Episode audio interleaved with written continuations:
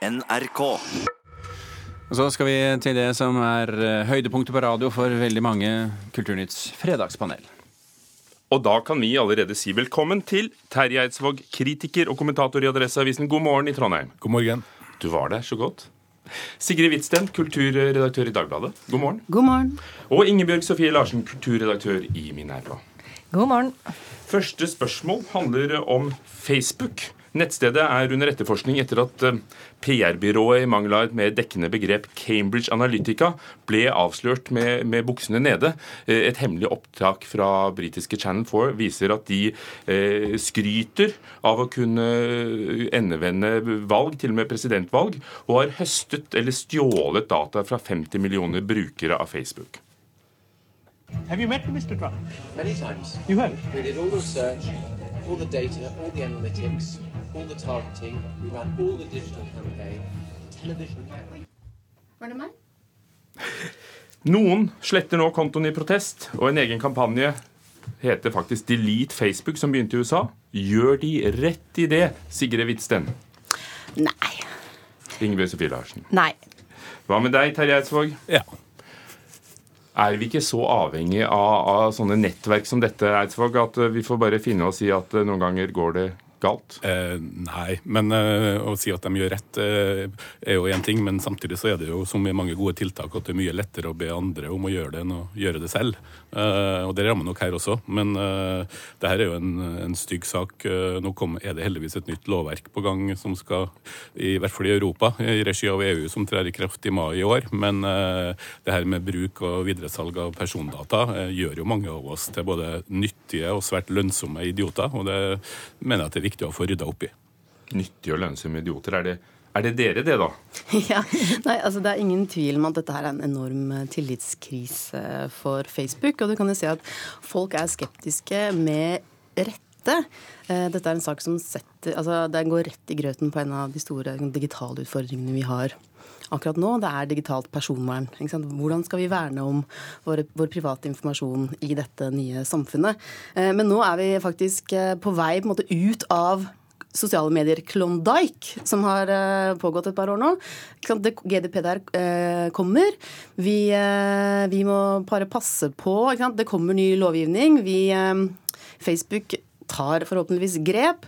Det som er viktig, er at folk faktisk skjønner eh, hva de egentlig er med på når de går inn i sosiale medier. At de har en bevissthet rundt hva de trykker ja til. tenker jeg nå. At Det er viktig at man eh, tar personlige valg og vet hva man går i. Altså Zuckerberg har beklaget, og, og sjefen i Cambridge Analytica er suspendert. Men, men er det noe mer brukerne kunne gjort da, selv? Altså Man kan jo eh, gå inn eh, Det som har vært eh, jeg si, bølgen i mediene de siste dagene, har jo vært en sånn bruksanvisning da, hvor man kan gå inn på settings i Facebook og faktisk regulere litt selv altså hva man gir fra seg, og hvilke applikasjoner man lar få lov til å, å, få, å få dataene dine. Men, men jeg er jo er enig i det som ble sagt, at jeg tror altså EU er eh, ekstremt viktig her. Fordi vi har I Europa så har vi en mulighet til å regulere personvern på en annen måte enn det amerikanerne, tror jeg, da noen gang kommer til å gjøre. Eh, og det er eh, egentlig to, to grunner til det, tenker jeg. Og det ene er at Um, amerikanerne Det er jo de som har tech-selskapene i stor grad. Altså I Europa så, så har vi det ikke. Det er jo på mange måter trist for oss, men da har vi også en mulighet til å, til å spørre oss hva, hva er det som er greit her, og hvordan kan vi som, som det store markedet Europa tross alt er, bidra til å, å regulere det. Uh, og den andre grunnen tenker jeg er at eh, amerikanerne har et helt annet syn på personvern enn det vi har her. Um, i, altså, og, i, og amerikanerne har en sånn tanke om at det, det er mye mer som er greit. Da. Og en historie der som jeg syns var litt morsom, var at jeg hørte om en sånn eh, et produkt som ble presentert i, i Silicon Valley, hvor man hadde en eh, et legekontor der hvor man kunne da koble seg på nettverket til den respektive legen man skulle til. Og I USA så er det sånn at alle leger er jo spesialister, har et spesialfelt. sånn at når man da koblet seg på wifi hos eh, den legen, så ble man da satt i en en sykdomskategori. Da.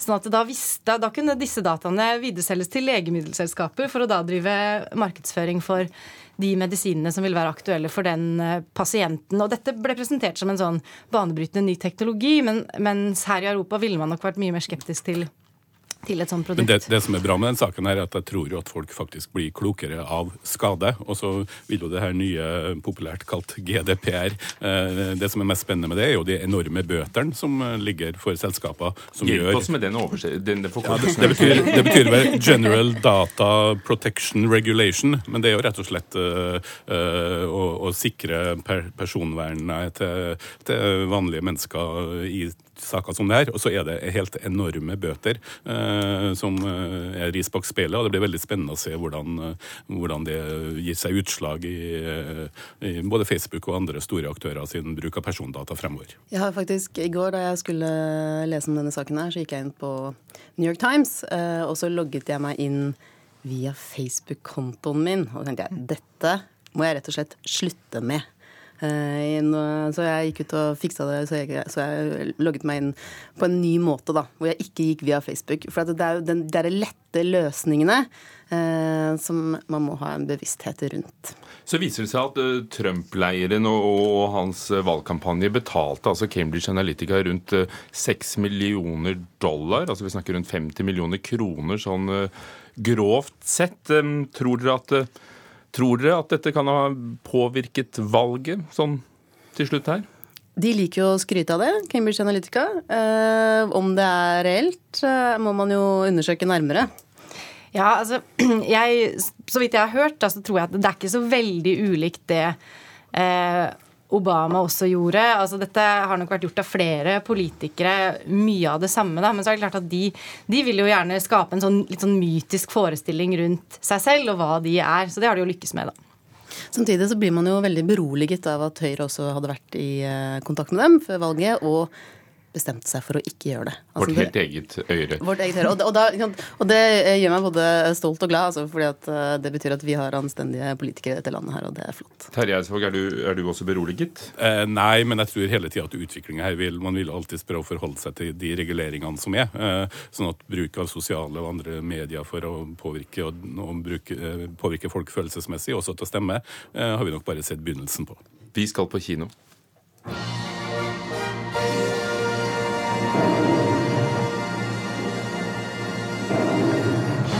Hovedstaden for enda en ny stor kommersiell kinoaktør som har bygget en eh, kompleks med 1000 saler, eller var det 14, og det siste innen digital teknologi. Slikt dukker opp eh, over hele landet, og møter konkurransen fra strømmingen med en eim av popkorn og noen ganger et glass rødvin, kanskje. Vil kinoene til slutt vinne kampen om publikum foran den lille skjermen, Terje Eidsvåg? ja. Sigrid? Nei. Ja. Eh, hva gjør deg som filmkritiker så, så sikker på dette? Du tror ikke at det er ønsketenkning? De, de vil jo ikke vinne noe endelig kamp, eh, men klart at eh, strømming gir jo ikke mindre interesse for film, det gir mer. Og det er ikke sånn at kino vil konkurrere ut strømming, tvert imot. Uh, Men så ser man jo da, bortsett fra et visst dupp når TV-en kom etter andre verdenskrig, så har faktisk kinoen klart seg. Og klart jo mer folk bruker tid på små skjermer, så blir det å lage store skjermer med noe rundt, blir en, blir en interessant motsats. Og så er nok TV-serie et mye mer strømmeførstprodukt, strømme først-produkt, i hvert fall hittil, enn en film som har vist seg ganske avhengig av kinolansering for å, for å bli den snakkisen. Og nå har jo ta Utøya 22. juli, i løpet av to uker har den blitt sett av 150 000 på kino i Norge. Eh, hvilken norsk roman eller hvilken norsk utstilling er i nærheten av å ha den samme appellen? Så jeg, jeg tror kino og strømming vil kunne eh, leve fint side om side. Nei, altså, eh, Det er ikke det at jeg tror at kinoen kommer til å dø. Jeg bare tror ikke at den kommer til å vinne kampen over eh, TV-seriene. Eh, og jeg merker det på meg selv etter at jeg er godt voksen og fikk barn, så har jeg ikke tid eller mulighet eh, til å gå på kino sånn som jeg hadde før.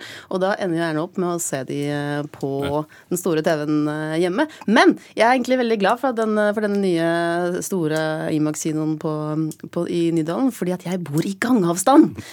Så kanskje jeg faktisk kommer meg til kino nå. Men det som virkelig strømmingen vil vinne, det er jeg helt sikker på, det er kampen om småbarnsforeldrene. Men det er bare én av gruppene på kino. Ingebjørg Sofie Larsen?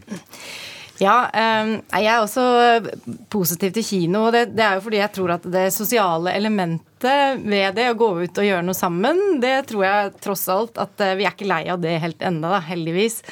Det er ikke det at du tror du får bedre filmer, nyere filmer, bedre kvalitet? Nei, jeg tror ikke det. Jeg tror det rett og slett er en Man kan heller tenke på det som en konkurrent til jeg vet ikke, teatret eller mm. altså andre typer kulturtilbud. At jeg tror det er en, sånt, en sosial greie for folk å gå på kino. Det tror jeg vi kommer til å fortsette med.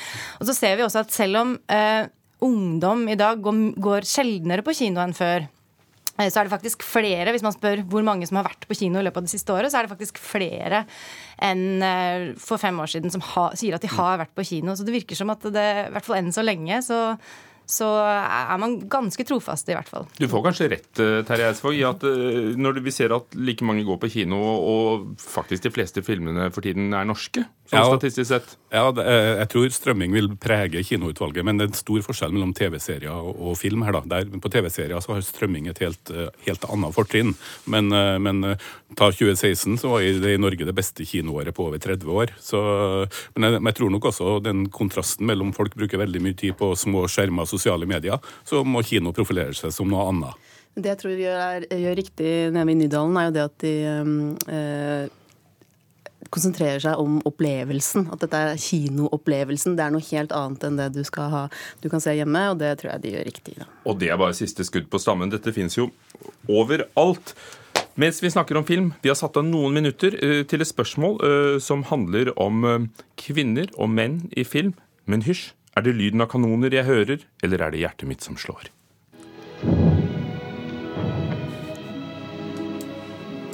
Cannon fire? or is it my heart pounding? Well, it's a new German 77, been judging by the sound, only about 35 miles away.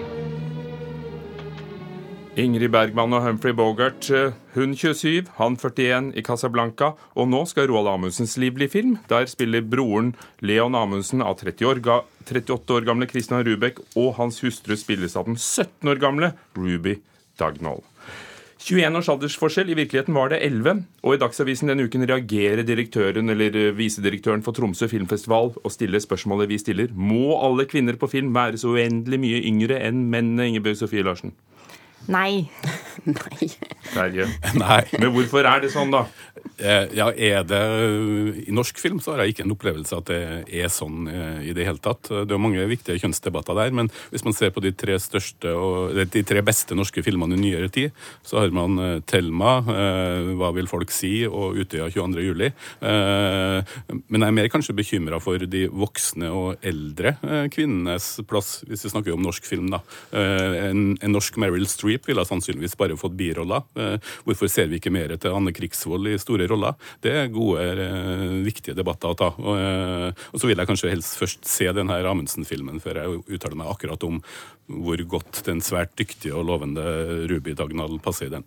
Altså det, eh, akkurat denne filmen her så handler det kanskje så vidt meg bekjent like mye om at uh, Christian Rubek er for gammel uh, enn at uh, Ruby Dagnall er for ung. Men altså, hvis jeg hadde vært kvinnelig norsk skuespiller i dag, så hadde jeg egentlig vært helt forbanna. fordi at det er så få Eh, gode, spennende, interessante roller eh, for kvinnelige skuespillere. Og hadde, eh, NFI hadde en undersøkelse som de presenterte for noen uker siden, hvor, hvor det viste at bare 27% av store norske filmer i fjor hadde kvinnelige hovedroller. Og i tillegg så forteller da Anne Dahl Torp i et intervju med Rushprint også for noen uker siden at at hun ofte blir bedt om å tone ned rollene sine. Og her har vi virkelig en jobb å gjøre, altså. Ja, og jeg tenker at det, det, det, viktige her er jo også om man får kvinnene bak kamera. ikke sant? Det er jo den store Hvem er det som lager disse historiene? Hvem er det som forteller dem? Da ja, vil det kanskje blitt noen andre historier. Ja. Takk skal dere ha. Ingebjørg Sofie Larsen fra Minerva. Sigrid Wisten fra Dagbladet. Terje Eidsvåg fra Adresseavisen. Det var Fredagspanelet sitt her i Nyhetsmorgen klokken er halv ni.